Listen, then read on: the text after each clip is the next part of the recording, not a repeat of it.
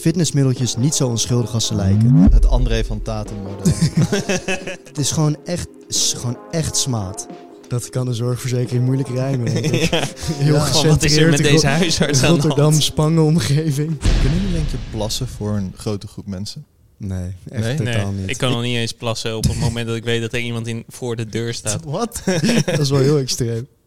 Maar wel weer als je, als je, als je gewoon met van die urinoirs naast elkaar, dan heb ik er weer geen moeite mee. Want jij gaat sowieso dan praten met mensen. hey, hoe hangt die? ik ga leunen over dat schotje wat er tussen zit. Nee, ja, dat heb ik ook met voorlezen. Als er mensen luisteren, dan choke ik gewoon. Oh, Net echt? zoals jij net. Ja. Ja, maar ik vond het grappig, want ik had dit stuk voorbereid. En toen vroeg jij, jij over sponsoren waren. En ik ging net een pitch doen over dat we dus geen sponsoren gaan doen. ja, maar ik wil dus eigenlijk wel gewoon sponsoren. Waarom? Ik zie ook dat ik gewoon één paar, dat ik de enige ben die niet dit paar schoenen heeft. Mhm. Oh, Dr. Martens, slide in onze DM's. Wat, want je wil eh, Mark de Boer Holding wil je spekken. Ja, ik wil gewoon... Ja, precies. Ja. Jabulani, B- Jabulani de Vries BV.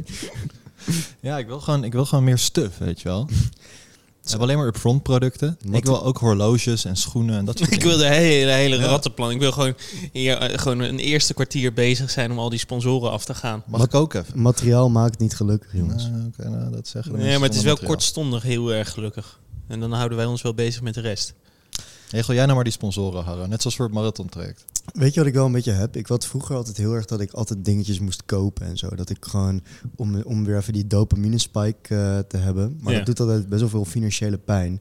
Maar met upfront, omdat zeg maar als je geld eh, in het bedrijf houdt voordat je het als salaris uitkeert, is het nog veel meer waard. En dus we hebben heel vaak van die dingen die we moeten kopen voor het bedrijf. En ik merk dat dat heel erg soort van die, die, eh, ja, die need Dat neemt dat weg, hè? ja, dat neemt het. Dus echt zo relaxed. Dan heb ik ook niet meer zelf dat ik in mijn privé allemaal van die onzin dingen moet kopen. Dat is echt een verslaving, dingen kopen. Op een gegeven moment merkte ik ook dat ik gewoon iedere week wel ergens iets bestelde. Waarschijnlijk is dat voor veel mensen alsnog niet zo heel veel. Ik bestel nog steeds gewoon dagelijks dingen, maar dan inderdaad voor het bedrijf. Ja. Maar het was inderdaad een soort van... Het voelde echt als een verslaving. En toen ben ik Het zijn ook kleine pakketjes, zeker als je ze bestelt. Nog meer dan wanneer je naar de winkel toe gaat. Dan komen er, komen er kleine cadeautjes die dan worden bezorgd. Ja, precies. Ja. Het is gewoon iedere keer die dopamine. En Mhm. even unboxen. Maar het is wel grappig is het dat het wel de, de, de unboxing zelf, of het hebben van dat ding, dat is niet zo heel erg veel. Dat levert je niet zoveel op. Maar de excitement nadat dat pakketje wordt bezorgd, dat, dat is ongeëvenaard. Ja, ik, en ik, ik kan er ook zo kwaad om worden als zo'n pakketje dan vertraagd is. En, en daarom weet ik ook die mensen die in onze inbox zitten, die de- dat dus ook hebben, hoe die zich voelen. Dan het extra veel pijn. Ja, ik vind dat altijd echt verschrikkelijk als pakketjes van onze klanten te laat aankomen of weer terugkomen of eh, weet ik veel wat. En als ze je dan persoonlijk gaan DM'en op je eigen profiel op Instagram of persoonlijk gaan mailen. Ik ga het ook altijd meteen oplossen. En dan krijg ik echt een zieke coke rage in Slack altijd. Ja, ik stuur, ja nee, ik, ik vind dat ook lastig om mee te, mee te dealen. Maar we zijn sinds deze week over op een nieuw systeem waarmee, waarmee in theorie geen fouten meer zouden moeten kunnen voorkomen. Toch in de praktijk is dat wel gebeurd weer eh, afgelopen week, heel vaak. Maar eh, we werken eraan. Opstartproblemen. Ja, Gijs is er deze week niet. Hij is even naar, naar Berlijn. Dus ik Ja, tweede vakantie in twee weken. Ja, Hmm. man, man, leeft Ja. het wel. Living it up. Ja. Dus ik, ik dirigeer even de podcast. We hebben vandaag drie onderwerpen die we graag willen behandelen. Eén onderwerp hebben we moeten schrappen omdat er last minute een artikel uitkwam van het AD. Of nou, ik moet zeggen van de dopingautoriteit. Ehm, daarnaast gaan we het over Brian Johnson hebben. Hoe jij je levensspan kan verlengen door middel van eh, nou, geld. En daarna gaan we het hebben over ehm, de verschillende belangenverstrengelingen in de wetenschap. Met name met Bigfoot.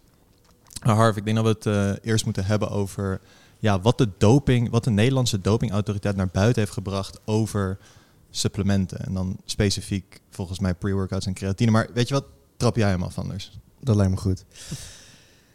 Oké, dus eh, ja, het internet is ontploft, want eh, de dopingautoriteit die waarschuwt weer voor mogelijk vervuilde supplementen.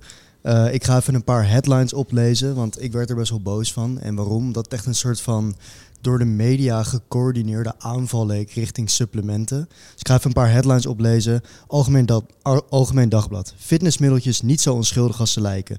Dopingautoriteit, oh, jezus, dopingautoriteit waarschuwt voor schadelijke stoffen. Metro Nieuws. Waarschuwing voor fitnessmiddelen. Zijn gevaarlijker dan je denkt.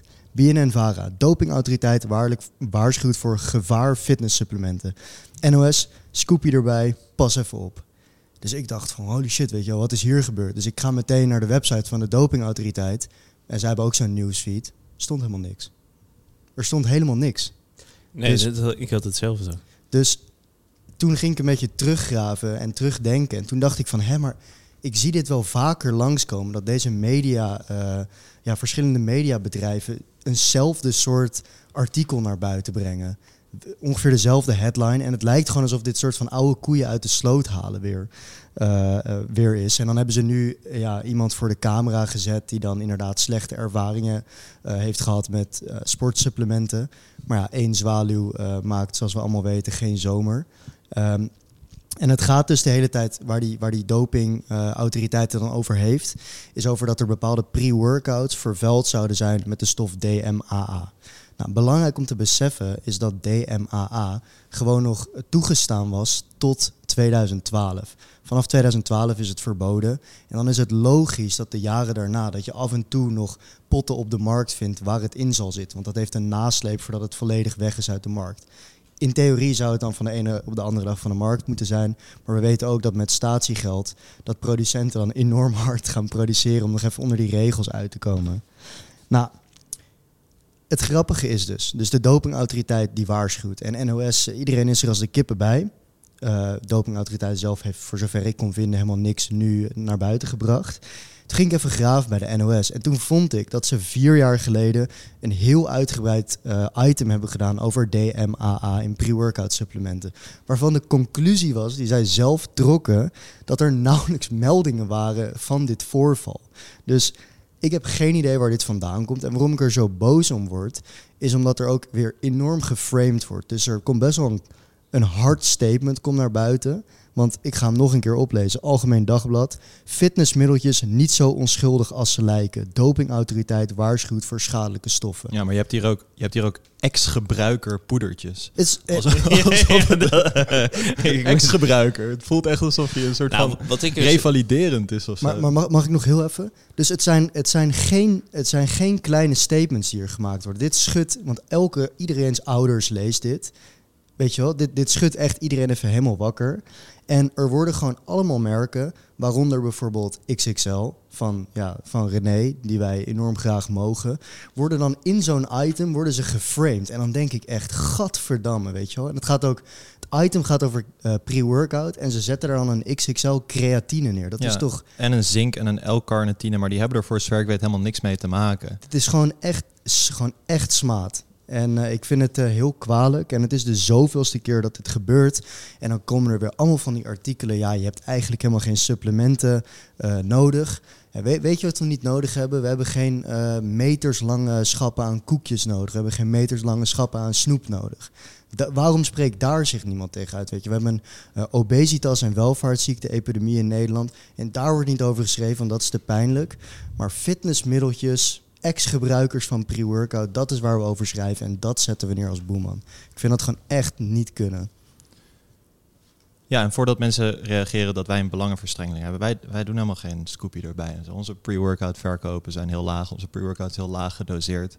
Maar volgens mij gaat het jou echt om, omdat jij weet hoe de vork echt in de stil zit. Nou, wij, wij, wij, wij ook natuurlijk. En nu zie je eigenlijk hoe duidelijk die framing in de praktijk dus gebeurt. Want je hebt gelijk, ouders zullen dit lezen en die zullen hun kinderen misschien verbieden om eigenlijk wat dan ook aan te schaffen. Want het wordt allemaal over één kam geschoren. En dat is letterlijk zo, want je ziet hier gewoon eigenlijk een berg supplementen. En eh, ja, maar een van die supplementen is überhaupt pre-workout waar het hele artikel over gaat. Of waar de dopingautoriteit zogenaamd voor zou waarschuwen. Ehm, en dus het heeft, het heeft wel echt daadwerkelijk gevolgen. Terwijl wij vinden de hele op, nou, obsessie of gewoon de hele trend van fitness in Nederland iets ontzettend positiefs. En wat jij zegt, we zouden dat alleen maar toe moeten juichen. Ehm, maar ook, ja, er wordt wel naar DMAA, DMAA verwezen. Maar inderdaad, de laatste keer dat dat in een pre-workout is aangetroffen in Nederland is volgens mij ook een paar jaar geleden. Mhm. Dus dat is ook iets wat gewoon, ja, dat was ooit zo. Mhm. Ja, en, en dat is ook, ik, ik was er echt zo kwaad om. En dat is, ik was vanochtend, heb ik, eh, was ik een beetje emotioneel, had ik een story geplaatst hierover. En eh, Ja. dat, Gecoördineerde, ongegronde aanval. ja, maar zo voelde het voor mij wel. Want het is zeg maar, zo weet je wat het is met media? Het is een kettingreactie. Als één iemand schrijft, met een heftige claim, dan wil iedereen er als de kippen bij zijn. Ik, ik snap daar sowieso niet zo heel erg goed van. eh, eh, niet heel erg goed hoe dat nou precies werkt. Want ik zag bij het AD was inderdaad dat artikel met dat filmpje, wat ik overigens een beetje raar vond. Want er is, is een jongen, ik denk dat die jongen 16, 17 zal zijn, die, eh, die ze daar hebben geïnterviewd. Die interviewen ze in een speeltuin om een soort van dat karakter van dat het een kind is aan te geven. Nou, het, het is een lange tijd geleden dat ik iemand van 16 of 17 in een speeltuin heb zien spelen op een schommel. Die, Ja, hij was ook pull-ups aan het doen aan iets waar gewoon nooit iemand ooit pull-ups aan Nee, dus, dus zo- zo'n misplaatste beeldvorming die ze proberen te creëren. Maar- van dat het een kind is die, die eigenlijk... Maar klopt het dan niet wat Harro zegt dat hier echt dat hier echt geframed wordt? Want ik vraag me af hoe dat gaat. Ze vinden dan iemand die eh, welwillend is om hier aan mee te doen.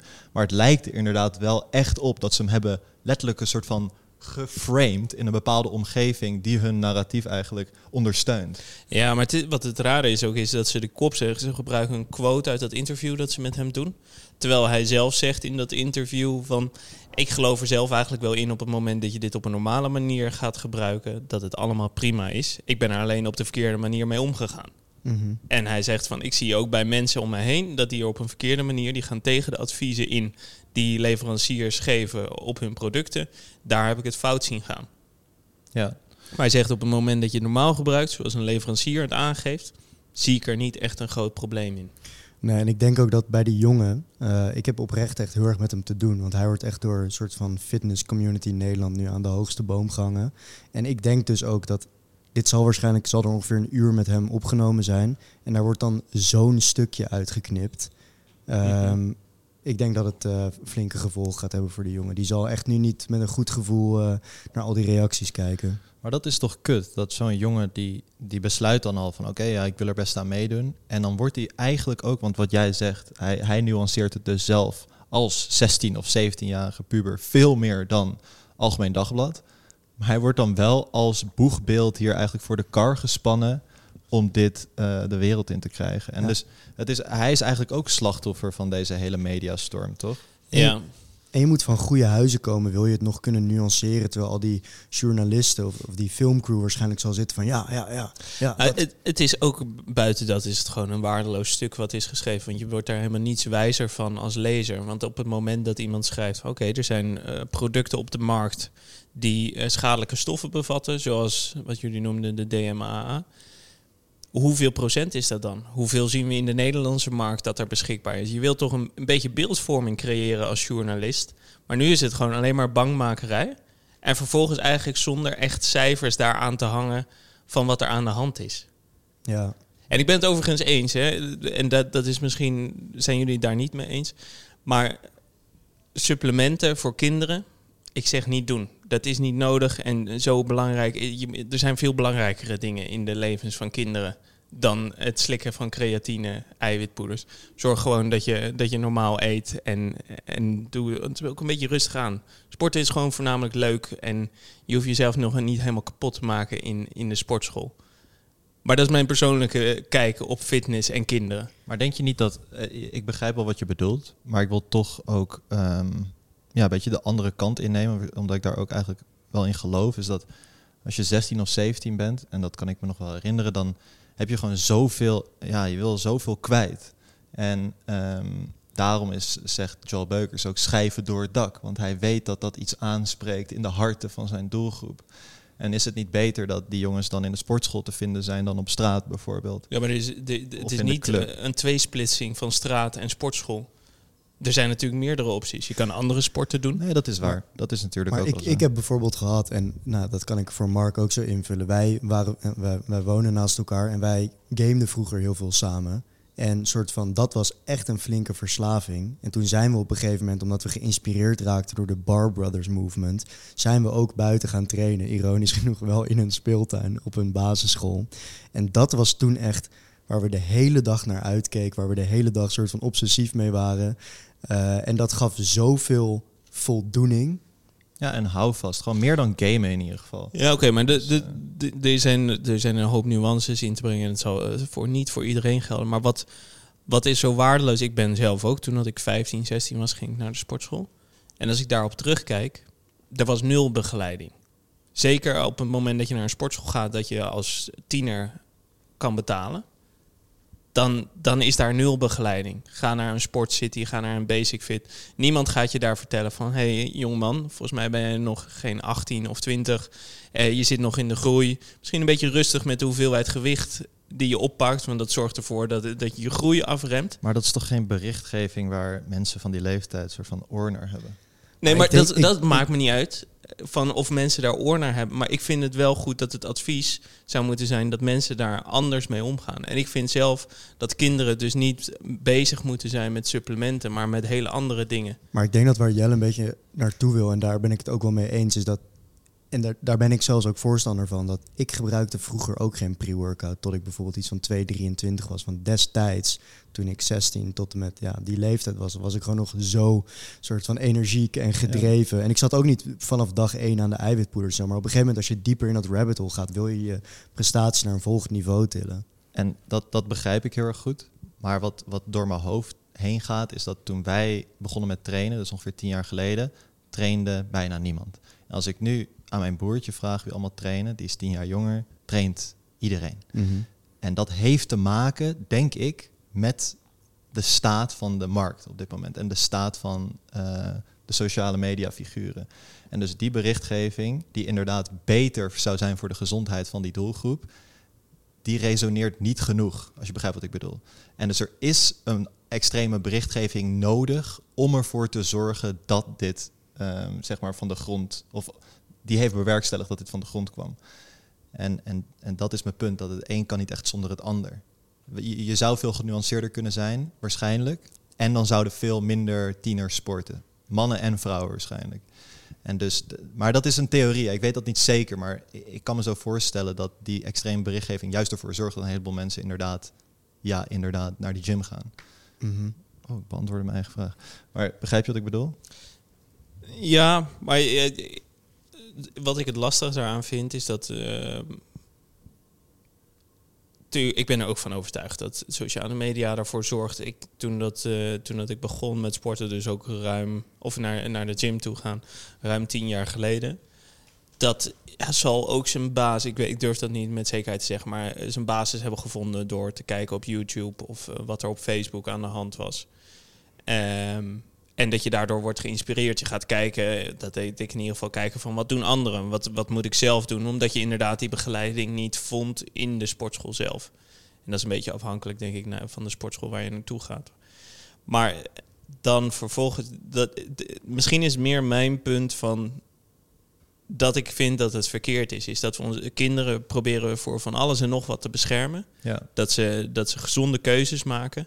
En dan aan de andere kant doen we eigenlijk iets, ja, misschien iets wat toch een beetje eh aproductief werkt. Door het allemaal te, te schuilen onder het mom van, ja, maar ze sporten toch?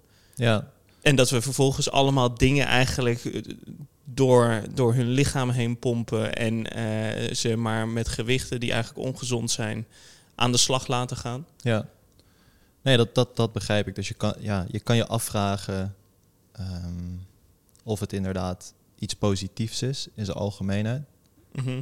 of niet. En dat is inderdaad, dat weet ik ook niet. Maar, Maar het is, ja. het is wel, de, even om het apart van elkaar te trekken. Ik vind dus kinderen, ga inderdaad, ga, ga, ga lekker sporten en ga, ga lekker voornamelijk. Als kind, ik had ook, je, je at een, een half brood per dag weg. En eh, je had vervolgens nog steeds trek. Je ging nog steeds naar de Albert Heijn of naar een, een Jumbo toe om nog meer eten te halen op de middelbare school. Blijf dat gewoon lekker doen. Gewoon normale voeding eten. En laat die dingen gewoon nog eventjes staan. En kijk eh, waar je dat kan doen. En zeker dingen als een pre-workout. Dat je nog, nog nooit je eerste kopje koffie hebt gedronken. En dat je dan vervolgens de cafeïne-inhoud van vijf kopjes koffie in één keer wegtikt. Mhm. Zou ik zelf zeggen, ook als ouder, van joh, rem dat gewoon nog eventjes af. Hou dat een beetje eh, af. En als diegene daar zelf aan toe is, ja. prima. Maar wat betreft het artikel, waardeloos artikel, weinig inhoud. Want er komt eigenlijk geen. Nou ja, de conclusie is een beetje bangmakerij. Zorg dat je het niet gaat doen. Want er zijn allemaal risico's geweest, maar we hebben geen idee hoe groot dat risico is. Een soort van hier, er is hier misschien ook wel het risico op een orkaan, maar we weten dat dat risico echt bijna niet heel is. Dus dat slaat helemaal nergens op om daar bang voor te zijn. ja. En dat heb ik hier ook een beetje. We weten niet hoe bang we moeten zijn voor zoiets. Want als je bij alle grote merken waar kinderen zullen gaan kijken, zoals een MyProtein, een XXL of een Upfront. nice plug. Nee, Ja. maar het zullen die bij pre-workouts of andere producten uitkomen die eh, relatief eh, veilig zijn. Mhm. En de- die zijn helemaal veilig gewoon voor de gezondheid en voor een kind is meer een persoonlijke kant. Ja. Ik weet nog wel dat vroeger toen ik jong was, toen, eh, ja, natuurlijk als je op een gegeven moment begint met trainen, dan na een jaar of na twee jaar, dan krijg je wel interesse in zeg maar supplementen. Want je ziet ook dat andere mensen dat nemen. En ik weet nog dat je begint met eiwitpoeders en dat is redelijk laag instappen en dat gebruiken al je vrienden dan ook. En ik weet nog wel dat zeg maar, ik was dan echt fucking hard aan het trainen en ja, eigenlijk iedereen binnen mijn vriendengroep. Maar ik werd niet zo snel, zeg maar, even groot als die jongens. Dus gewoon, wat, weet je wat is dit? Dus dan ga je verder kijken, ga je verder kijken. En toen kwam ik op een gegeven moment op creatine. En ik weet wel echt dat ik twee weken heb getwijfeld om dat te bestellen. Want iedereen in die groep zat van, ja, nee, creatine, dat ga je niet doen. Dit, dat, is een soort van steroïde. Had ik dat stiekem toch besteld. En toen had ik, zeg maar, ik had in mijn kamer had ik altijd zo'n laadje met een soort van dubbele bodem. Waar ik dan mijn sigaretjes destijds eh, of uit een ver verleden wel eens verstopte. En dan had ik dan ook die creatine verstopt. En dan had ik dat, ging dat stiekem elke dag nemen. maar het voelde gewoon zo erg als druk somehow. Want er was toen ook, zeg maar, creatine is nu heel erg geaccepteerd. Ja. Maar dat is altijd, want omdat gewoon sporten, eh, naar de sportschool gaan is veel meer genormaliseerd dan... Ja, toen waren er ook allemaal berichtgevingen van je mag het niet te lang doen. Want je, je, ja, precies. En je, je, je je eigen productie en alles gaat fout. Ja. En dat is inderdaad nu wel een beetje in een ander daglicht komen te staan. Maar daarover, we gaan misschien een beetje te veel off-topic, maar toen ik dus de eerste keer creatine heb gebruikt van Body Fit, hè, ik noem het gewoon, gewoon name calling, tien jaar geleden denk ik, toen kreeg ik dus echt ontzettend veel pukkels op mijn borst. Toen had ik zo de klantenservice gemaild, zei ik zo, wat is dit? Want ik Hmm. dacht dat ik dood ging. Toen zeiden zij, weten we niet, maar ik zou maar stoppen. en zo gezegd, zo gedaan. En eh, toen later wel weer, zeg maar, want ik was toen met die oplaadfase begonnen, 20 gram per dag. Maar ik denk dat mijn lichaam daar niet, want mijn, mijn 17-jarige lichaam niet zo goed op ging. Ja, dat daar, daar komt die hairline van. Ja, dat is, daar, daar, daar, daar heb ik nu nog steeds de gevolgen van. Maar die overzag je toen nog niet. Nee. Ik voel gewoon dat ik, dat ik zojuist soort van tot, tot een hele belangrijke realisatie ben gekomen. En dat is gewoon dat, dat, dat de berichtgeving, dat dat gewoon de reden is dat sport nu zo'n ding is. En dat het, ja, ik, sorry dat ik er nog één keer over begin, maar dat het een gewoon niet zonder het ander kan, kan leven. Van, dat flaneren en dat voor goud gaan, die schijven door het dak. Dat is de reden dat mensen nu zoveel sporten. Zeg maar, tieners hebben geen behoefte aan gezondheid of een genuanceerd iets. Ze willen een soort van eh, snelle resultaten en hard gaan en risico. En ja, ik klink echt als een zieke pa, maar je begrijpt wat ik bedoel, toch? En dus wat mij betreft is die hele soort van gym-hype die nu gaande is niet mogelijk geweest zonder de hele industrie en de sociale mediacultuur die er nu omheen hangt. En dus ik wil daar meer over nadenken van oké, je kan zeggen doe dat allemaal niet en kijk daar niet naar. Maar dan vraag ik me af of, of die gymcultuur zo'n ding was geworden. Waarschijnlijk niet. Waarschijnlijk niet, nee. Nou ja, het heeft inderdaad het heeft iets, iets spannends. Een bijna licht, eh, licht obscuurs. Ja, het is haast een club, toch? Je neemt een middel en je gaat daar naar, naar een donkere club om daar een soort van hard te gaan. Ja, ik weet niet. En dan de Ja, een paar resultaten. van die, eh, van, van die grote gasten in hemdjes die staan te grommen de hele tijd op het moment dat ze iets in de lucht gooien. In sommige gyms staan ze ook zonder shirt. Ja. Ja. Maar wat ik nog wel wil zeggen is dat ik, ik ben heel, heel erg eh, gevoelig voor cafeïne. En dat is het enige waar dit artikel op naar hint, waar ik het wel mee eens ben, is dat mensen eh, hartkloppingen kunnen krijgen. Nou, zeg je hartritmestoornis, ik weet eigenlijk niet of dat hetzelfde is. Ehm, en slaapproblemen. En dat herken ik zelf ook wel. Wat Jelle dus net zegt, sommige pre-workouts hebben acht kopjes koffie, 400 tot 500 milligram cafeïne. En eh, ja, nou ja, ik weet dat ik vroeger al hard ging van één kopje koffie. Laat staan dat ik er acht zou nemen. Acht in één Ja. keer. Hè? En dus dat is best wel heavy. En dus eh, zeg maar, die cafeïne is het enige middel waar ik van zeg van ja, pas daar wel mee op. Want, ehm, want ja, je gaat misschien, je wordt ook een stuk, je wordt misschien ook een stuk agressiever. Eh, je wordt natuurlijk alerter, maar je kan ook minder goed slapen. Maar je krijgt ook hoofdpijn als je bijvoorbeeld stopt met cafeïnegebruik. Dus er zijn, er zijn, dat is niet zonder Ja. risico's. En dat is wel echt belangrijk om erbij te vermelden. Ja. Maar ik denk bijvoorbeeld, er is wel een verschil in de pre-workout aanbieders. Want eh, stel je voor, wij waren in deze artikelen waren wij geframed met onze pre-workout. wat wij dus doen, ik denk dat veel van onze luisteraars nooit ons pre-workout hebben besteld, is Jelle heeft een eh, e-mail opgesteld van nou, echt bijna een hele pagina vol, waarin hij eigenlijk van A tot Z pre-workout en het gebruik daarvan uitlegt. En die e-mail ontvang je als je voor het eerst bij ons een pre-workout bestelt. Omdat we dus ervoor willen waken dat mensen uh, te veel nemen. Dus Jelle zegt ook van, joh, heb je nog nooit pre-workout gebruikt? Begin dan eens met één scoop. Want weet dat zelfs één scoop al bijna het equivalent is aan, wat is het, 2,5 koppen koffie. Mm Twee koppen koffie. En dat is wel ergens een stukje verantwoordelijkheid pakken wat ik veel andere bedrijven en influencers niet zie doen. Nou, dat is exact waar ik dus op doel, is dat, dat je die producten prima dat die worden verkocht. En ik sta ook nog steeds achter ons product wat we verkopen. Maar inderdaad, de verantwoordelijkheid van de verkoper of dus de influencer die er soms achter zit, neem die alsjeblieft. Want je verkoopt gewoon een, voedingssupplement waar, waar dingen in zitten die, die voorbij het normale gaan. Ja, want ik weet ook nog dat we hebben natuurlijk omtrent die pre-workout hier intern heel veel discussie gehad. En wij voelden ons er ook echt niet goed bij als we niet zo'n soort e-mail erachteraan gingen sturen. Ja, maar nu weten we natuurlijk niet of, ehm, of hij en anderen dat echt niet doen. Ik bedoel, dat is ook een aanname. Maar het zou inderdaad wel, het is wel ook een, ja, het is een verantwoordelijkheid die je hebt. Want je, je verkoopt wel een middel wat, um, nou, laten we eerlijk zijn, je verkoopt een middel wat ook gewoon nadelige gevolgen kan hebben. Mm acuut en op de lange termijn. En dat is gewoon cafeïne. En hetzelfde zouden we eigenlijk ook moeten doen voor onze cafeïnepillen. Ja. Toch? Zeg maar, straks neemt iemand 10 cafeïnepillen. dan gaat hij helemaal door. Maar ik denk dat bijvoorbeeld, ik denk dat bijvoorbeeld in, in plaats. ja, dan zeg ik wat. Hè. ja, denk dat iemand, ja, ik denk dat iemand dan ook dood neervalt. Maar ik denk dat in plaats van uh, dat we de, zeg maar de energie die in wordt gestoken in zo'n soort mediastorm, waarin dus dit soort supplementen worden gedemoniseerd, zou het veel beter zijn als die energie soort van wordt gestoken in uh, zo'n regelgeving implementeren, waarbij er dus uh, waarbij het verplicht wordt als je zo'n stimulerend middel online verkoopt, om dan zo'n ja, wat jij zegt, bijna een bijsluiter even na te mailen of erbij te stoppen. Maar die regelgeving komt zeker, maar het loopt gewoon een paar jaar achter. Wat ik dacht dat je ging zeggen, is dat het zou sieren als er een keer een artikel zou komen over de positieve effecten van deze hele beweging. Want dat zie ik echt nooit langskomen. Nee. Nee, maar Terwijl die wetgeving die komt er uiteindelijk echt wel. Misschien te laat, maar we weten, we zien maar altijd... Het, lijkt, het lijkt wel alsof zeg maar mensen die, uh, nou, onze ouders, gewoon per definitie een haat hebben aan supplementen. En ja, maar ik denk dat zulke soort artikelen waar dus de, een soort van de emotie rondom kinderen wordt gebruikt en dan vervolgens het gevaarlijke van, van een tijdperk waar we al lang uit zijn, dat dat met elkaar wordt gecombineerd en dat wordt naar nu getrokken.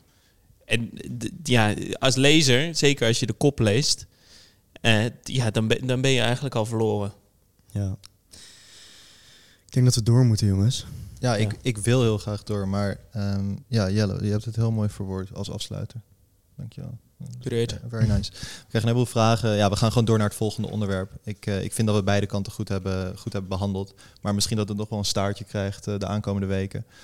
Ik ben benieuwd, want er zijn een heleboel um, van, de, van bedrijven en partijen die hierop gaan reageren natuurlijk. Ja, dus, want uh, hebben er al meerdere op gereageerd? Sorry dat we er nog... Nou, ja, maar ik, het is vrij ja. recentelijk, dus uh, dat komt vast nog wel. Ik vind wel dat heel veel bedrijven het heel erg naar zichzelf toetrekken. Ja, dat doen wij nu toch ook een klein beetje. Ja, ja. medium. En het, dat wil ik even wel aangeven. We hebben net wat merken genoemd, maar het is naar niemand een persoonlijke aanval. Want ik denk dat we allemaal al deze bedrijven hetzelfde willen bewerkstelligen. Ja, en ik weet ook zeker als je Joel Beukers hiernaar zou vragen, zou die ook gewoon zeggen van ja, je moet het ook verantwoordelijk nemen. En het is ook meer voor de zeg maar comedy wat ik doe in mijn video's. Ja. En dat is ook duidelijk. En eerlijk gezegd wil ik hem gewoon het voordeel van twijfel geven. Het is ook duidelijk dat het allemaal best wel een soort van uh, voor de comedy is en niet dat het echt dat het serieus uh, advies of voedingsadvies of portieadvies is. Ik begrijp jouw punt ook. Jullie ja. weten wel dat deze nuance jullie niet gaat redden als iemand gewoon een andere clip uit de podcast knipt. Ja, nou, dan zijn, dan zijn die vooral jij Jelle. Wij, wij zijn ja, Jelle. Jelle jij wordt met de grond clip. gelijk gemaakt op TikTok straks. Bij de Gouden nee, Tempel en zo. Nou, dan ga ik wel straks op mijn gouden swapfiets weer richting huis. ja? Nee, je hebt nu, zeg maar, Joe Beukers heeft een affiliate programma gelanceerd. Waarbij je dus met een eigen link als, je dan, als mensen via jouw link bestellen, krijg je commissie uh, op dat bedrag waarvoor is gekocht. En daarvoor heb je dus nu heel veel kanalen nu op TikTok die eigenlijk worden gestart van mensen die zijn content ook gaan herposten. En als dat dus viraal gaat, dan klikken meer mensen op die link. Dus grote kans dat jij hier nu wordt uitgeknipt en dat je dan gecan- gecanceld wordt. voor, voor Maar dit is een soort van wat Andrew Tate deed, toch? Ik dacht, ik zeg het niet, maar dat, Het André van Taten model. Heel even snel tussendoor. Zoals jullie al weten zitten er geen vervelende sponsoren in deze podcast. Maar het enige wat ik jullie wil vragen is of jullie kunnen helpen met het groeien van deze podcast. Meer luisteraars betekent namelijk dat wij meer tijd in de podcast kunnen steken. En als wij er meer tijd in kunnen steken, kunnen we jullie meer waarde bieden.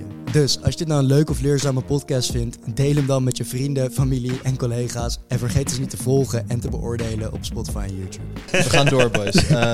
Jezus. We krijgen een heleboel vragen over Brian Johnson. Niet Liver King. Nee, niet Liver King. Ze delen wel dezelfde naam. American Psycho, Brian Johnson. Ja, American Psycho. Ik zal zo even twee, een before en after laten zien. Maar ik heb zowel contact gehad met Confirmation Bias erover als met Coach JP. En eigenlijk merk ik gewoon dat de echte experts steeds meer beginnen te kijken naar wat hij doet. En even ter context, Brian Johnson is een Amerikaanse ondernemer. Die heeft zijn bedrijf eh, Venmo verkocht voor 800 miljoen aan eBay. En is nu eigenlijk, ehm, maar jij weet er misschien meer over Jelle, zijn gezondheid aan het optimaliseren door middel van extreem veel geld en hele harde inzet. Dus eh, de headlines zijn hij heeft vorig jaar 2 miljoen uitgegeven om zijn gezondheid zo te optimaliseren dat hij achteruit gaat qua leeftijd, qua biologische leeftijd. Nou, ik heb hier een foto van Brian Johnson, volgens mij 2018. Ja. Oh wow, dit heb ik helemaal niet gezien. Ik, ik wist dit ook niet. Dit is Brian Johnson nu.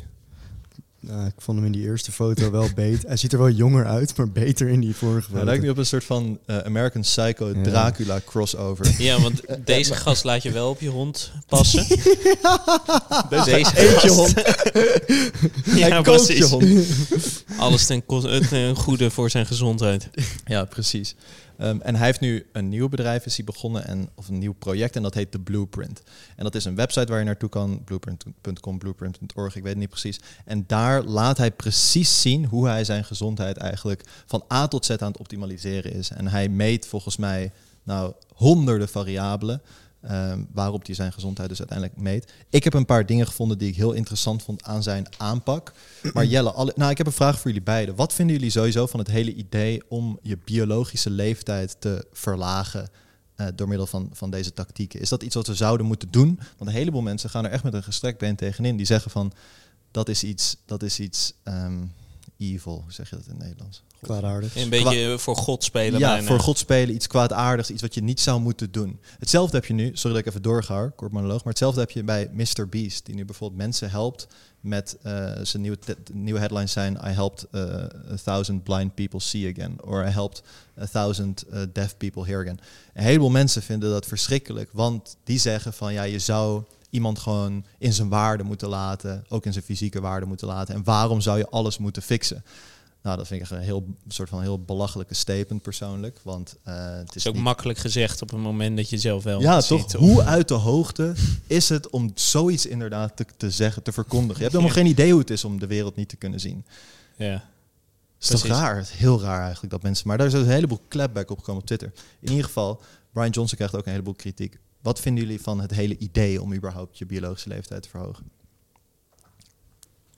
Eh, biologische leeftijd verlagen. ja. Ik, eh, verlagen, ja. ik had erover nagedacht en eh, ik vind het eigenlijk wel iets moois. Ja, Wat vind je er mooi aan? nou, ik denk dat, zeg maar, je denkt altijd dat je eeuwig leeft. Of wat is ook alweer die quote? Dat je hebt twee levens en je tweede leven begint wanneer je realiseert dat je er maar één hebt. Yep. Ja? Ik- snap je Zo die- is, ja, ik snap het, maar is, ik ken hem niet. Nou, eh, en dat, dat komt er dus op neer dat zeg maar, je, je bent altijd soort van vitaal totdat je opeens niet meer vitaal bent. En dan ga je waarschijnlijk. En dus de mensen die, dat, die zeggen dat je het niet moet doen, die zijn waarschijnlijk nog niet, niet in het stadium aangekomen dat ze zich realiseren dat het leven zeg maar niet eindeloos eh, voortgaat. Dus ik denk dat dit iets heel relevants is, zodat je zo lang mogelijk vitaal kan zijn, zo lang mogelijk productief kan zijn. Ehm, ja, voor de samenleving, maar ook dat je gewoon eh, langer van je gezin kan genieten. Eh, eh, ja, en Min- ik denk minder dat druk op het zorgstelsel. minder natuurlijk. druk op het zorgstelsel. Maar ik denk ook dat. ehm, ik denk dat nu is het nog iets heel erg ontastbaars. Omdat deze, ja, als je die blueprint leest, soort van je moet wel even een flink weekend ervoor uittrekken om dat allemaal tot je te nemen. Want het is nu allemaal nog vrij onbekende materie. Maar op een gegeven moment gaan we er naartoe dat je gewoon kleine veranderingen kan implementeren in je leven, die er gewoon voor zorgen dat je waarschijnlijk, ja, misschien wel tientallen jaren langer echt vitaal door het leven kan. En ik denk dat het heel goed is dat iemand hiermee bezig is. ehm, om dit soort van deze verandering eh, in gang te zetten. Dank je. En ja, wie wil er, sorry, maar nog heel veel aansluiten. Maar jullie willen toch ook zo lang mogelijk gewoon je goed voelen, geen last van je rug hebben, er niet Mhm. klapt uitzien. Snap je? Ja, Ja. zeker weten. Ja, precies. Het is ook. Ik denk dat het is heel makkelijk zeggen van ja, ik zou dat niet willen, totdat je misschien of ziek wordt of ouder wordt. eh, en dat je er heel anders in, in komt te staan. Ik vind Zeker. het persoonlijk heel erg mooi dat iemand die de financiële middelen hiervoor heeft, zijn lichaam, en we zien wat het met hem heeft gedaan, zijn lichaam inzet als een soort van experiment. Om te kijken wat er nou eigenlijk mogelijk is. Hij zoekt echt de grens op van, eh, van de mensenkennis omtrent eh, ja, Wat denk jij, Ja. Jelle? Nou, ik, ik vind het eh, ik vind het sowieso ontzettend interessant dat, eh, dat iemand zichzelf inderdaad eigenlijk ten prooi gooit aan de wetenschap. Dat, uiteindelijk is dat ook de beste manier om dingen eh, uit te zoeken voor jezelf. Kijk, wij kunnen ons baseren op alles wat we, wat we lezen. Eh, maar of het dan voor onszelf ook zin heeft, dat weet je nooit. En dat is gewoon bijzonder om dat op jezelf te kunnen doen. En zeker als je daar inderdaad de financiële middelen voor hebt om dat te gaan proberen, vind ik dat heel erg tof dat je dat doet. Of het voor mijzelf. Ik- tuurlijk, ik, ik, ben er, ik ben ook bezig met mijn gezondheid. Ik zorg ervoor dat ik, dat ik eh, genoeg eh, fysieke activiteit heb. Ik zorg dat ik gezond eet. En dus ik ben er wel mee bezig met mijn gezondheid. Maar ik weet niet of ik tot, als je, als je een beetje zijn leven of zijn dag volgt, of dat nou misschien wel mijn leeftijd naar beneden zou brengen, mijn biologische leeftijd. Maar ik weet niet of ik er gelukkiger van word. Of mijn kwaliteit van leven, en dan voornamelijk geestelijk gezien, of die er nou echt op vooruit zou gaan. Ik weet niet of ik dat, ja, een soort van, of ik alles over zou hebben voor mijn fysieke gezondheid. Ja, en, en kan je misschien omschrijven wat hij, wat hij op een dag zo doet? Nou, hij begint eh, eigenlijk zijn ochtend met, met een drankje en daar zit- van alles in. eh, qua collageen, creatine, eigenlijk vrij relatief standaard supplementen, denk ik. Zitten wat algenpoeders in, eh, een combinatie. En vervolgens trekt hij de volledige apotheek leeg. Ja, hij heeft zoveel, Ja. zoveel hij eet meer dan 100 pillen per dag. Ja, dat is... Met, Flo, kan je alsjeblieft vragen of zij... eh dankjewel. eh, hij trekt de hele apotheek leeg. Ja, hij trekt de hele apotheek leeg en, de- en dan heeft hij gewoon een standaard aantal, eh, oh, eh, ja, ja, een soort van eh, samengestelde maaltijden die hij eh, eet. En ja, dat ziet er niet eens heel erg onsmakelijk uit, maar dat is gewoon precies afgestemd op, eh, op calorieën, vetten, eiwitten, eh, micronutriënten. Dus het is wel tof hoe ver hij daarin gaat, maar ja, ik hou er ook van om gewoon af en toe eens te kunnen zeggen van... joh, laten we vanavond een pizzaatje halen. En dat zit er voor hem niet in. Nee, zeker. zeker. Maar. De- deze, deze, deze Brian Johnson, ja, die heeft dus eh, ja, knetterend hard gewerkt om zijn bedrijf te kunnen verkopen. En volgens mij toen hij dat deed was hij een jaar of 35 toen hij dat verkocht. Maar toen was zijn soort van biologische leeftijd, of was echt, eh, of niet biologisch, maar epi, epigenetic. Ja, epigenetische leeftijd was echt veel ouder. Dus dan zie je ook daadwerkelijk wat dat stress en zo met je doet. Maar dat is gewoon de leeftijd die jouw lichaam daadwerkelijk is. Tot Ja, niet het aantal uren die je leeft of het aantal Nee, jaren. dus dat is leeft. biologische leeftijd en je epigenetische leeftijd is inderdaad hoe oud als het ware je lichaam is. Nou, en doordat hij dus zoveel stress op zijn lichaam heeft gezet, was zijn epigenetische leeftijd liep voor op zijn biologische leeftijd. Maar hij heeft dat dus nu, eh, ja, hij is nu 45 jaar en nu is zijn epigenetische leeftijd in, heeft hij in zeven maanden kunnen, eh, vijf jaar kunnen verjongen. En op dit moment is zeg maar de snelheid waarmee hij ouder wordt, is 0,69. Als jullie daarmee begrijpen wat ik bedoel. Dus voor elk jaar eh, dat hij biologisch ouder wordt, wordt zijn epigenetische leeftijd maar 0,69 jaar ouder. Eh, op dit moment wordt hij dus minder snel oud dan een tienjarige. En ook zijn zijn ontstekingswaarden in zijn lichaam 66% lager dan een gemiddeld 10 jaar oud persoon. wat ik het interessantste vond was dat zijn lichaamstemperatuur bijna 2 graden Celsius was gedaald. Ja. Dat dat blijkbaar, dat, dat, ik weet niet of dat met die eh, ontstekingen te maken heeft, of waar dat überhaupt mee te maken heeft, maar dat, dat je lichaamstemperatuur dus zo erg daalt naarmate je alle biomarkers gaat optimaliseren in je lichaam. ja. Moet je je voorstellen dat je ineens in plaats van 37 graden, ja, net iets boven de 35 graden leeft. Eh, misschien dat dat ook een, een hoop doet met... ehm, Ja, dat is wel het interessante is wat hij heeft gedaan hè, om het een beetje eh, uit elkaar te trekken. Hij heeft gewoon gezegd van oké, ik ben een auto en ik trek ieder onderdeel er eventjes uit. Ja. Ik ga precies kijken wat doet dat onderdeel, wat heeft dat onderdeel precies nodig om optimaal te functioneren. En vervolgens stop ik het er weer in en ik heb op papier bij wijze van staan van dat moet er allemaal in. En dat, eh, daar heeft hij eigenlijk bijna een som van gemaakt van wat al die onderdelen, al zijn organen nodig hebben om optimaal te kunnen presteren. Ja, maar is dat niet iets, als jij dat zo uitlegt op deze manier, dan het enige wat ik denk is, dat zouden we eigenlijk allemaal moeten doen. Want nou, als je een auto koopt, dan op een gegeven moment, na tien jaar, ken je waarschijnlijk de meeste onderdelen wel. Een paar onderdelen zijn ook al vervangen. Eh, je ziet in je dashboard van de auto hoe, het is, hoe de gesteldheid van je auto op dat moment is, van de Mhm. verschillende onderdelen.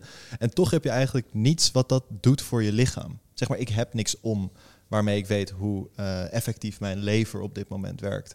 Maar misschien dat het wel goed zou zijn om bij te houden, zodat mijn lichaam effectiever kan functioneren. Ik zeg niet dat je dan geen pizzaatje meer kan eten. Hè. Ik zeg alleen maar dat eigenlijk is het raar dat ja, het, eh, ons lichaam, het meest dierbare wat we bezitten, dat we daar geen constant soort van eh, constant feedbackmechanisme mee hebben.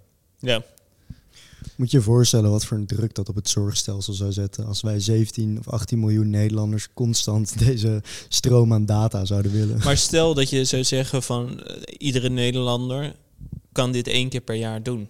Ja, hoe prevent, het zou toch heel preventief werken waarschijnlijk. Als jij je bloedwaardes zou meten, zou je misschien wel achter dingen zoals auto-immuunziektes komen Ja. of diabetes of weet ik veel wat, voordat het echt uit de hand loopt en je moet worden opgenomen of je voor intake moet komen. Dus ik weet het niet. Ik weet Ja, eigenlijk ik, niet ik, het, eh, ik pleit hier al, al jaren voor. ja. Dat we veel meer zeg maar, per, per individu in de, de diepte in moeten gaan. Nou ja, dat is natuurlijk ook het gekke wat we in Nederland hebben ten opzichte als je kijkt naar het buitenland en nog helemaal naar Amerika.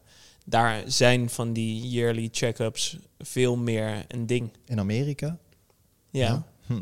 Daar kunnen Juist. mensen gewoon, Ja. kan je dat aanvragen. Ja, van, het joh, heel er, makkelijk. er zijn wel meer klinieken waarschijnlijk waar dat kan. Of- Uh, op een of andere manier zit bij, bij Nederland zit zeg maar de preventie van het ziek worden zit hier niet echt in. Het zit niet echt in de cultuur als het ware. Dus inderdaad check-ups en zo. Het is gewoon, als je ziek bent, ga je naar een dokter en dan hoor je wel hoe de dokter het op gaat lossen. Maar je kan het vaak voor zijn als je het in de gaten houdt. Maar ja, zelfs wij houden het niet echt in de gaten. Nou, misschien is dat ook wel in de cultuur van de Amerikanen veel meer eh, gesleten van dat je alles is maakbaar. Ja, en dat hebben wij hier niet echt. van een paar procent van de Amerikanen. Ja, ik denk dat in Amerika kan het waarschijnlijk wel gewoon als je geld hebt. Want waarschijnlijk zit het niet in je basis. Of nou, ze hebben überhaupt geen basiszorgpakket. Maar je moet je huisarts in Nederland bij wijze van smeken. Om Mhm. überhaupt, weet ik veel, Nou, je, sterker je nog- B12-waardes te, te laten meten. Het is echt niet makkelijk. Sterker nog, toen ik mijn hormonale eh waardes wilde weten, toen moest mijn huisarts bij de verzekering aangaven dat ik een erectiestoornis had. Omdat anders kan je dat, je kan dat niet laten meten in Nederland. Echt? Ja, kan wel, maar dan, dan ben ik failliet. Als je dat zeg maar zelf moet betalen. Maar jij hebt je huisarts gewoon omgepraat dat je een erectiestoornis hebt. Yep. Nou, nee, ik kwam, er niet, ik kwam er niet mee. Ik zei gewoon van, hé, hey, ik wil heel graag weten of mijn testosteronwaardes en zo oké zijn. Hoe, zeg maar, mijn testosteron-oestrogeenverhoudingen zijn. Of ik geen markers heb die helemaal een soort van de verkeerde kant op gaan. Of ik geen vitamine-mineralen tekort heb. Want ik was dus, ik was iemand die altijd met allemaal vitamine- en mineralen pilletjes in de weer ging. Maar Maar ik heb geen idee wat het nou doet. maar toen wist ik niet of, ik, zeg maar, of het nou hielp. Dus toen dacht ik van, hé, hey, ik moet dit een keer gaan checken. Toen dacht ik, oké, hoe ga ik dit checken? Ja, moet via je huisarts.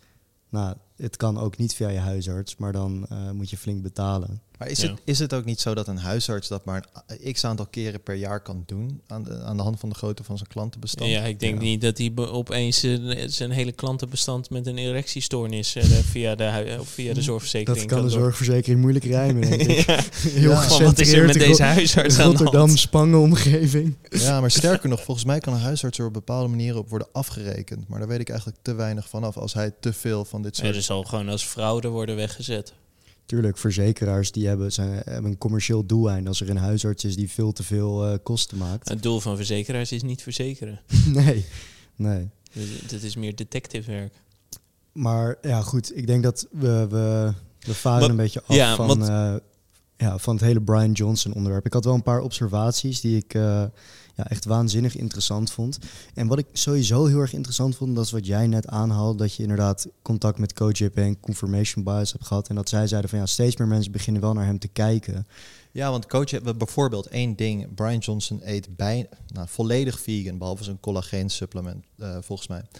En dat is wel iets wat, ja, dan zie je weer die trend van eh, dat mensen weer carnivore gaan eten. En daarvoor was natuurlijk de vegan trend. En nu zie je weer dat, dat de mensen die zeg maar voorlopen in die industrie, bijvoorbeeld een confirmation bias, eh, maar waarschijnlijk ook een heleboel anderen, die beginnen te kijken naar Brian Johnson en die zitten in van, oh, hij eet vegan. En hij heeft heel duidelijk aangetoond dat het voordelen heeft. Dus zullen we misschien toch weer iets meer naar vegan gaan. Dus ik ben heel blij dat er in, in één keer weer een soort van vegan tegengeluid is. Mhm. Ehm, want hij heeft vast zijn onderzoek heel goed gedaan. Nou, sterker nog, je kan op zijn website dus gewoon precies zien wat hij doet, wat zijn onderzoek is. Hij heeft 30 doktoren die hem analyseren. Hij laat alles helemaal zien. Dus hij heeft ook echt wel bewijs. Ja, maar waar ik, dus, waar ik dus een beetje naartoe wilde is dat zeg maar normaal worden de we wordt de wetenschap als het ware aangehouden voor dit soort experimenten. En dat is een vrij, eh, weet je wel, logge, is vrij logge bedoeling. En hoe snel dit nu allemaal gaat. Want hij is, hij, is helemaal niet zo heel lang bezig. En hij maakt zoveel progressie.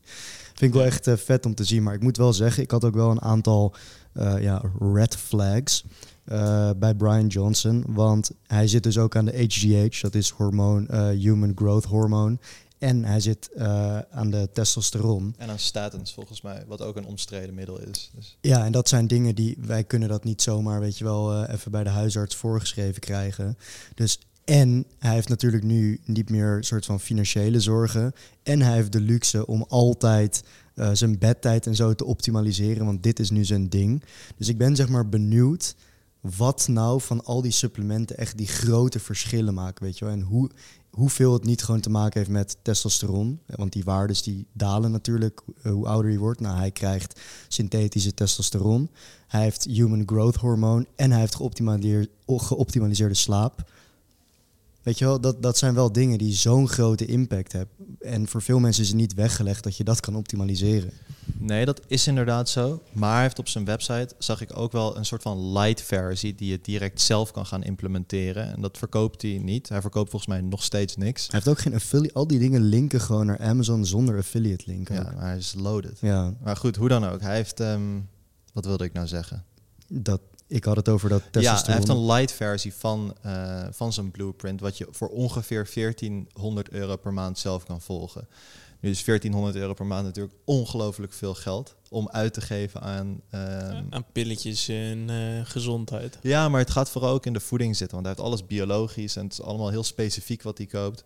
Maar voor 1400 euro kun je dus een light versie hiervan volgen. En daarvan geeft hij ook een hele breakdown op de website waar je wat kan kopen. Mhm. En dus dat vind ik wel, dat vind ik wel sympathiek. Dat hij dat, dat ook wel Ja, maar ik denk ook dat voor veel mensen is zeg maar dit soort dingen optimaliseren. Daarvoor moet je eerst financiële stabiliteit hebben. Want ja, als je geen geld hebt, dan ga je, je sterker nog, je kan je hier niet mee bezig gaan. Ik kan me wel voorstellen dat op een gegeven moment, zeg maar, als je er financieel wat comfortabeler bij zit, eh, tijd is iets wat soort van letterlijk een aftikkende. Is gewoon op een gegeven moment is het op, op een gegeven moment ben je dood en je kan onmogelijk meer tijd bijkopen. Dus op een gegeven moment ga je, dat op, ga je dat belangrijker vinden en ga je dat meer willen optimaliseren. Maar daarvoor zijn wel eerst je financiële zorgen, moeten die weggenomen worden. Ja. Dan is het ook wel logisch dat die hard gememd en verafschuwd wordt. Want ik denk dat een heleboel mensen ook zitten van ja, wat jij zegt van hoe de fuck ga ik dit nou rijmen met, eh, met mijn twee kinderen en mijn baan en mijn geliefde en weet ik veel wat, wat ik allemaal voor zorgen. Ja. Nou, ik, ik heb ook nog wel een paar dingen op. Als je naar zijn website kijkt, dan heeft hij ook zo'n hele lijst met waardes. En er staat dan achter eh, exceptioneel of excellent. Ik weet niet precies wat daarachter staat. Maar in ieder geval dat het perfect is. Dat zijn waardes van zijn lichaam perfect zijn. En daar zitten twee dingen aan.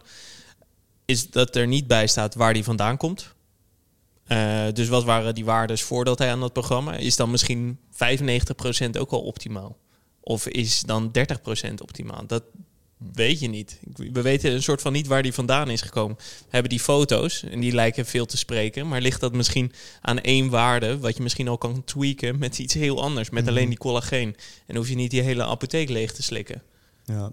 En dat vind ik het interessante eraan. En hij heeft die waardes, als je, als je nagaat van wat zijn optimale waardes, die worden bepaald aan de hand van een hele hoop datapunten. Dus er worden een hele hoop mensen genomen en daarvan zeggen ze: oké, dit is, lijkt een optimale waarde. Dat is een, eh, vaak een 95% interval. Dus 95% van de mensen valt daarin.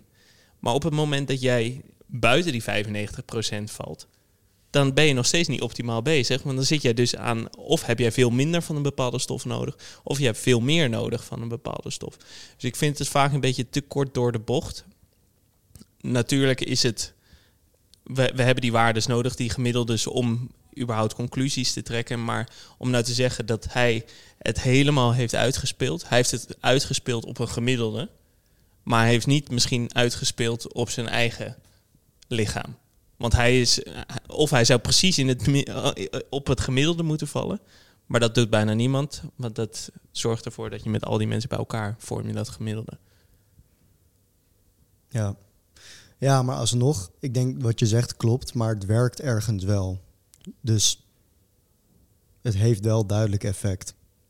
Ja, ja, maar dus nogmaals, van, we weten niet wat dat precies is. Want hij heeft nu alles geoptimaliseerd. Maar we weten nog steeds niet waar hij dus vandaan is gekomen. Mm. Dat laat hij in ieder geval niet zien aan ons. Hij zal het zelf wel weten waar hij vandaan komt. Ja. Maar waarschijnlijk is het interessanter om te laten zien dat nu alles optimaal is... dan dat alles al voor 95% optimaal was.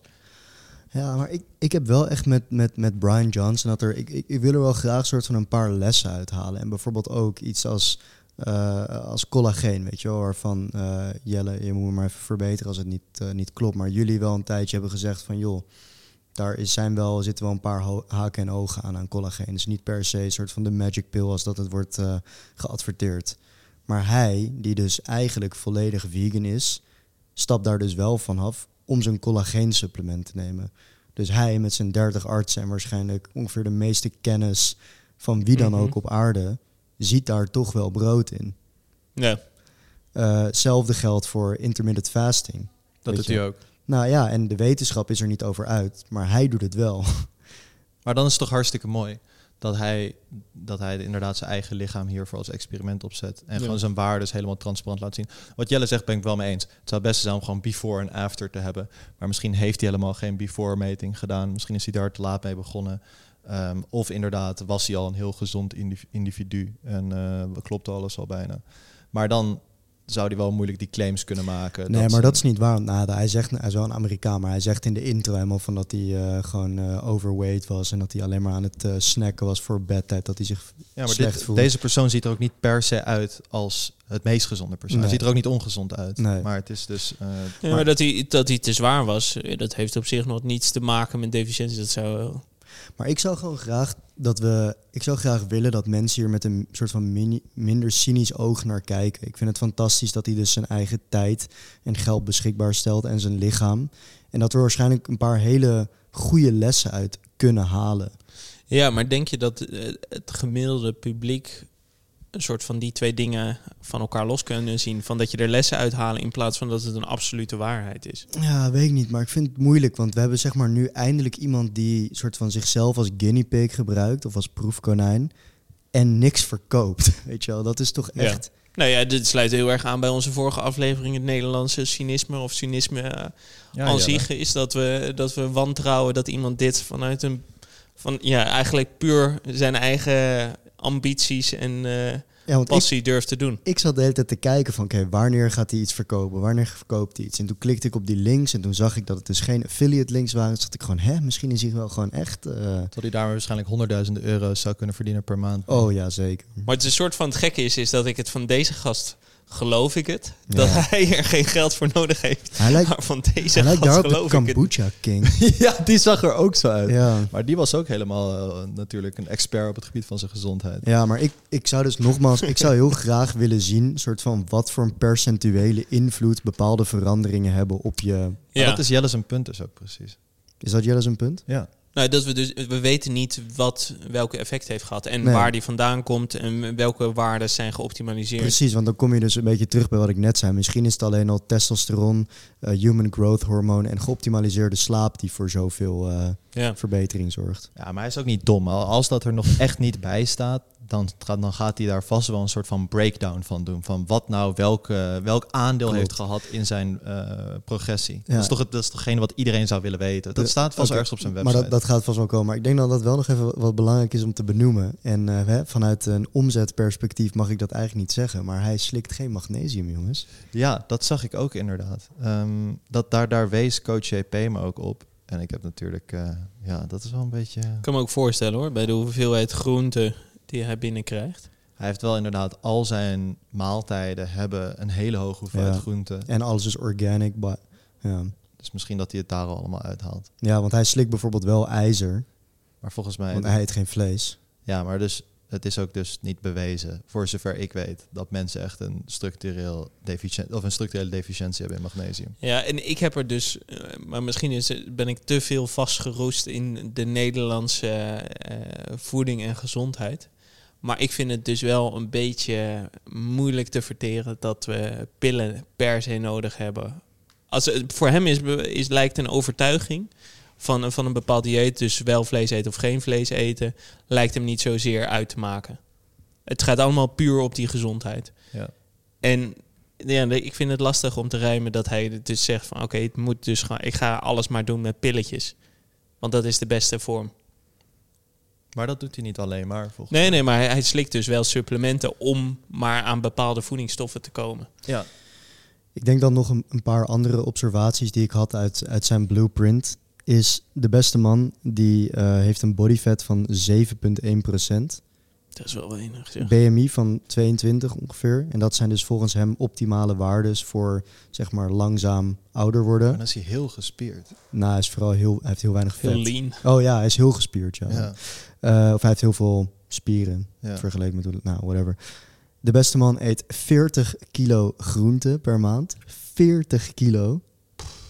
En zijn dieet bestaat voor, ik ga het heel veel afronden, maar 50% uit vet, ongeveer 30% uit koolhydraten en 20% uit eiwit ongeveer. Dus hij is eigenlijk vooral fat-based in plaats van carb-based.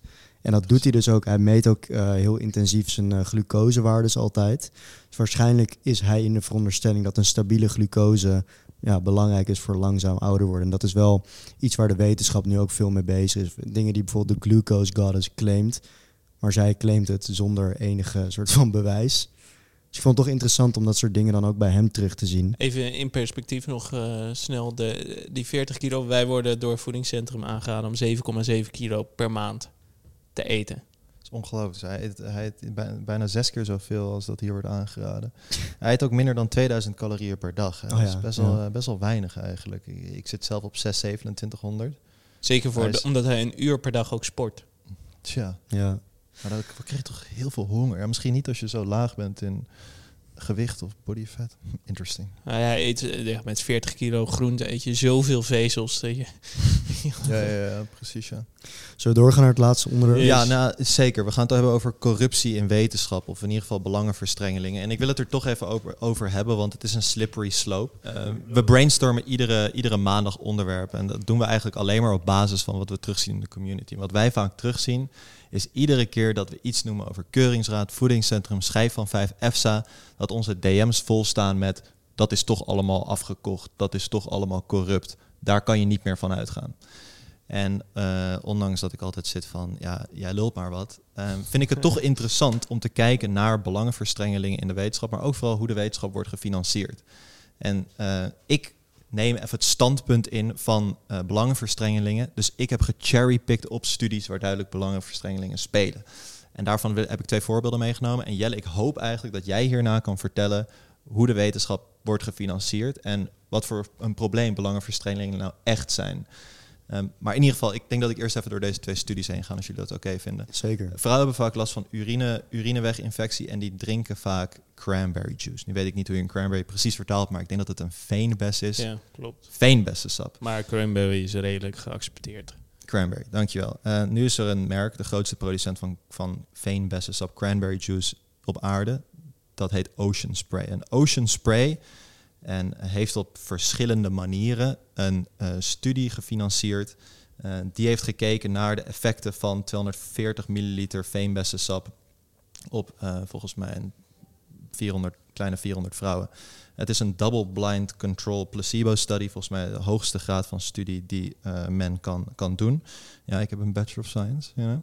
en wat ze zagen was dat vrouwen die um, het placebo namen, dat die uh, een 40%, of nee, de vrouw die, die, die dat veenbessensap dronken iedere dag, dat die na een jaar een 40% reductie hadden in urineweginfectie.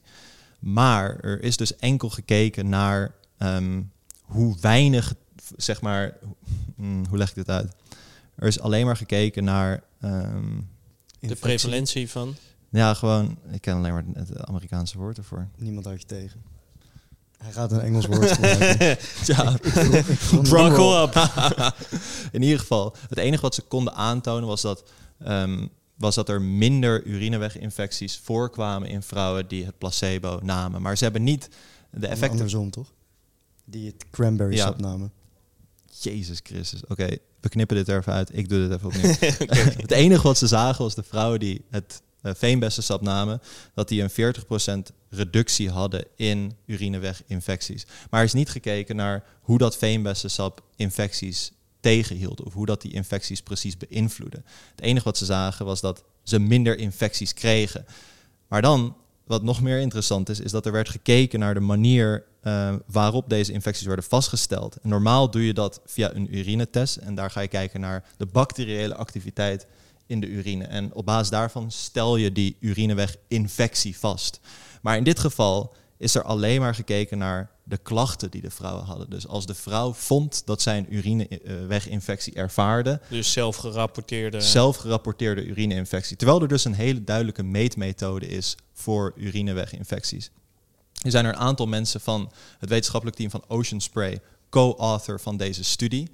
En deze studie wordt dus aangehaald als het bewijs dat cranberry sap urineweginfecties tegen zou gaan. En ondanks dat het dus volgens deze meetmethode klopt, is de meetmethode dus heel erg questionable. En is er niet gekeken naar hoe dat veenbessensap urineweginfecties beïnvloedt, maar alleen maar naar of het minder voorkwam als vrouwen um, veenbessensap dronken. Maar dat is dus een andere soort manier van meten die eigenlijk um, ja, na de conclusie is misschien wat kort door de bocht. Dus eigenlijk wat zij zeggen is... Want de conclusie zou moeten zijn... veenbessensap of een jaar lang veenbessensap drinken... zorgt voor een lagere zelfrapportage van urineweginfecties. Ja. Of urinewegklachten. Precies, ja. Precies. Maar zo wordt het niet ingestoken. Uh, de titel is... Consumption of cranberry, ju cranberry juice beverage lowered the number of clinical urinary tract infection episodes in women with a recent history of urin urinary tract infection. Goed, hoe dan ook. Deze studie wordt aangehaald als een manier waarop eigenlijk um, ja, er, er, meer wordt gecherrypicked richting een bepaalde uitkomst. Ja. Maar dit is gewoon toch een klassiek voorbeeld van een placebo-effect ook. Oh nee, want ze nou, konden nee, niet het weten. Is een double, het is een double blind control oh ja, placebo ja. trial. Um, en dan heb ik nog één studie meegenomen die deels is gefinancierd door uh, het International Life Sciences Institute van Europa. Um, en daar wordt, daar wordt het is een meta-analyse die kijkt naar 5500 studies, waarvan uiteindelijk drie uh, worden vergeleken naar um, het lichaamsgewicht op basis van low energy sweeteners vergeleken met suiker beverages. Dus er wordt gekeken naar bijvoorbeeld cola light versus cola. Maar er wordt ook uh, in deze meta-analyse in de conclusie wordt aangehaald dat um, nou, overall the balance of evidence indicates that the use of LAS, low energy sweeteners, in place of sugar in children and adults leads, leads to reduced body weight and possibly also when compared to water. En dat is het hele kwalijke want alle headlines gaan daarmee aan de haal dat die low energy sweetening beverages, dus Coca-Cola Light, Coca-Cola Zero, zelfs zeg maar beter zouden zijn, beter zouden zijn voor uh, reductie van lichaamsgewicht of onder controle houden van lichaamsgewicht dan water. Maar, maar één van die 5500 studies waarnaar is gekeken, zou dat mogelijk kunnen ondersteunen. En als je dan ook kijkt naar, um, naar het instituut wat dit vooral heeft gefinancierd, het International Life Sciences Institute, dan uh, zijn daar 39 bedrijven die daar deel van uit zijn en die dat financieren, waaronder dus ook PepsiCo en in het verleden ook Coca-Cola. En zo zie je dus dat, um, nou je kan er misschien hier ook niet een directe conclusie aan koppelen, maar je ziet wel dat bepaalde resultaten misschien te maken hebben met degene die de studie aan het financieren zijn. En dit is een heel, la- heel lang eh, voorbeeld om te zeggen dat dat misschien een probleem zou kunnen zijn. Maar is dit niet eigenlijk hoe de hele wetenschappelijke wereld werkt? En hoe gaan ze daarmee om? Of hoe zorgen ze ervoor dat die, dat die resultaten niet te veel worden beïnvloed? Ja. Want ik kan me zo voorstellen, sorry om nog even mijn punt af te maken, maar als degene die ervoor zorgt dat jij door kan met hetgene waar je van houdt, namelijk onderzoek doet, onderzoek doen, een bepaalde agenda heeft, dat het niet anders kan dan dat je daardoor wordt beïnvloed of mogelijk kan worden beïnvloed. En het hoeft maar een paar keer te gebeuren of studies worden aangehaald door de influencers waar, waar wij allemaal naar luisteren als evidence. Nu zijn er ook mooie voorbeelden hiervan. Bijvoorbeeld in Amerika heb je eh, een bedrijf dat heet Bang Energy. En die claimen creatine te hebben kunnen toegevoegd aan een drankje. Normaal verandert creatine zodra het in aanraking komt met water in creatinine. En dat kan niet worden opgenomen door het lichaam. Ehm, zij zeggen dat ze een soort van hydro-coated versie van creatine hebben kunnen maken. eh, die dus eh, ja, dat water eigenlijk kan weerstaan. maar ja, dan wordt die ook niet opgenomen in de maag. En nu heeft Monster Energy bijvoorbeeld een studie gefinancierd die heel duidelijk aantoonde dat die speciale creatine van Bang Energy, dat die voor 0% wordt opgenomen door het menselijke lichaam. En dat vind ik wel weer een mooi iets. Dat het ene bedrijf zijn geld in kan zetten om een trend gewoon wel even de das om te doen. Nu heeft Monster Energy daar, daar natuurlijk ook eh, baat bij en financieel baat bij. Maar ik kan me zo ook wel voorstellen dat dat ook wel ergens productief is. Van hey, let's keep each other in check, weet je wel. Maar dit is wel een belangrijk punt wat je aanhaalt. Eh, in die zin is dat op het moment dat bijvoorbeeld een zoetstoffenbedrijf een onderzoek uit laat voeren naar de positieve effecten van, van zoetstof of eh, mogelijk negatieve effecten. En daar komt inderdaad uit dat er negatieve effecten zijn. Dan heeft dat bedrijf natuurlijk ook de mogelijkheid om te zeggen, we publiceren het niet. Ja, dat was het punt wat ik wil, of nou vraag Ja. die ik wilde stellen van hoe werkt dat dan? Ja, en dan is het opeens een beetje, en dat, dat is een van de meest, eh, vind ik, kwalijke punten van de wetenschap. Dus A, dat bedrijven zelf kunnen beslissen of ze iets publiceren of niet, of die kennis publiek wordt of niet. Hm. Op het moment dat je een patent aanvraagt voor iets, dan moet het publiek worden, want dat is een stukje van je bewijsvoering dat je iets unieks hebt gevonden. Eh, dus dan, dan komt het er wel uit. Maar zeker op het moment dat er ongewenste resultaten zijn, ja, dan ga je daar ook geen patent voor aanvragen. Dan, eh, dan eh, zit er geen meerwaarde bij om dat te publiceren. Maar ook niet alle wetenschappelijke tijdschriften willen alle onderzoeken maar publiceren. Er moet vaak wel iets aan de hand zijn. Zoals als je in Nature kijkt, dan worden er altijd vrij baanbrekende onderzoeken gepubliceerd. Daar worden niet hele kleine onderzoekjes of onderzoeken gepresenteerd waar dan blijkt, ah, er is helemaal geen effect van iets. En als het niet wordt gepubliceerd, betekent ook dat die kennis dus niet in de wereld is gekomen. Het is geen algemene kennis geworden. Dat betekent dat iemand anders kan denken: hey, is dat niet misschien wat? Ik ga dat onderzoek ook uitvoeren.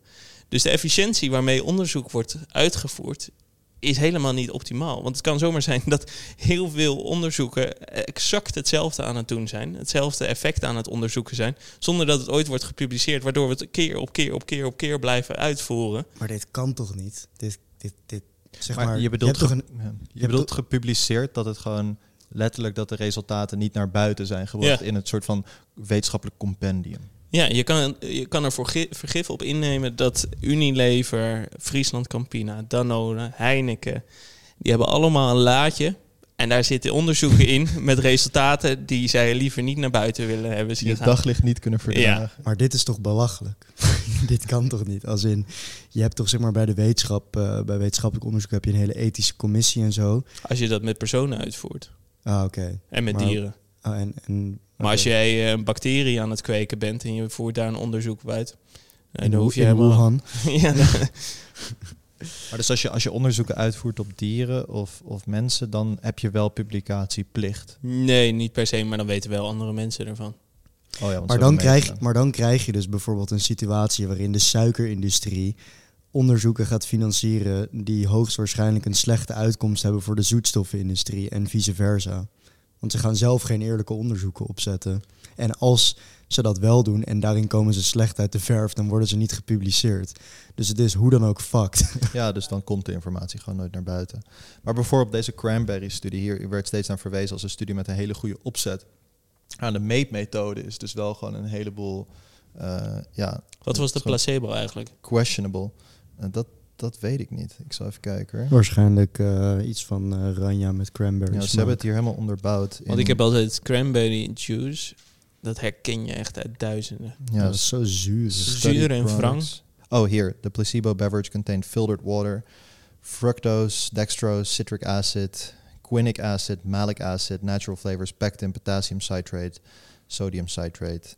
Lekkere cocktail. Red, red 40, wat echt eh, volgens mij een hele omstreden kleurstof is. En Blue One. Oh, acesulfaan, pota- pot- acesulfate, potassium en sucralose. SK. Dat is een redelijke cocktail, inderdaad. Misschien dat je daar sowieso helemaal van Ja, gaat dat die- ontsteken. dat die mensen nog leven. Ja, precies. Allemaal verdwenen, die mensen. Maar wat ik probeer te zeggen, er is dus, er is dus een 40% reductie gemeten in de niet-placebo groep. Ja. Obser- observationele reductie. Obser- maar dat is aan de hand van inderdaad dus eh, observaties die de vrouwen zelf hebben mogen melden, eh, hun symptomen. En misschien als je deze studie 20 keer opzet, dat er wel een keer zo'n grote deviatie uit zou komen. Ondanks dat ik hem wel heel groot vind. Ehm, maar, maar toch, weet je wel. Dus dat is wel interessant. Ik denk dat dit nog wel een staartje heeft. En ik denk ook dat dit een mooi moment is om de podcast ja, af te let's sluiten. freaking end. Thanks voor het luisteren naar de Upfront Podcast. En omdat je het vast al vergeten bent, hier nog even een kleine herinnering. Vond je het nou een leuke podcast? Deel hem dan met je vrienden, familie of collega's. En vergeet ons niet te beoordelen op Spotify en YouTube.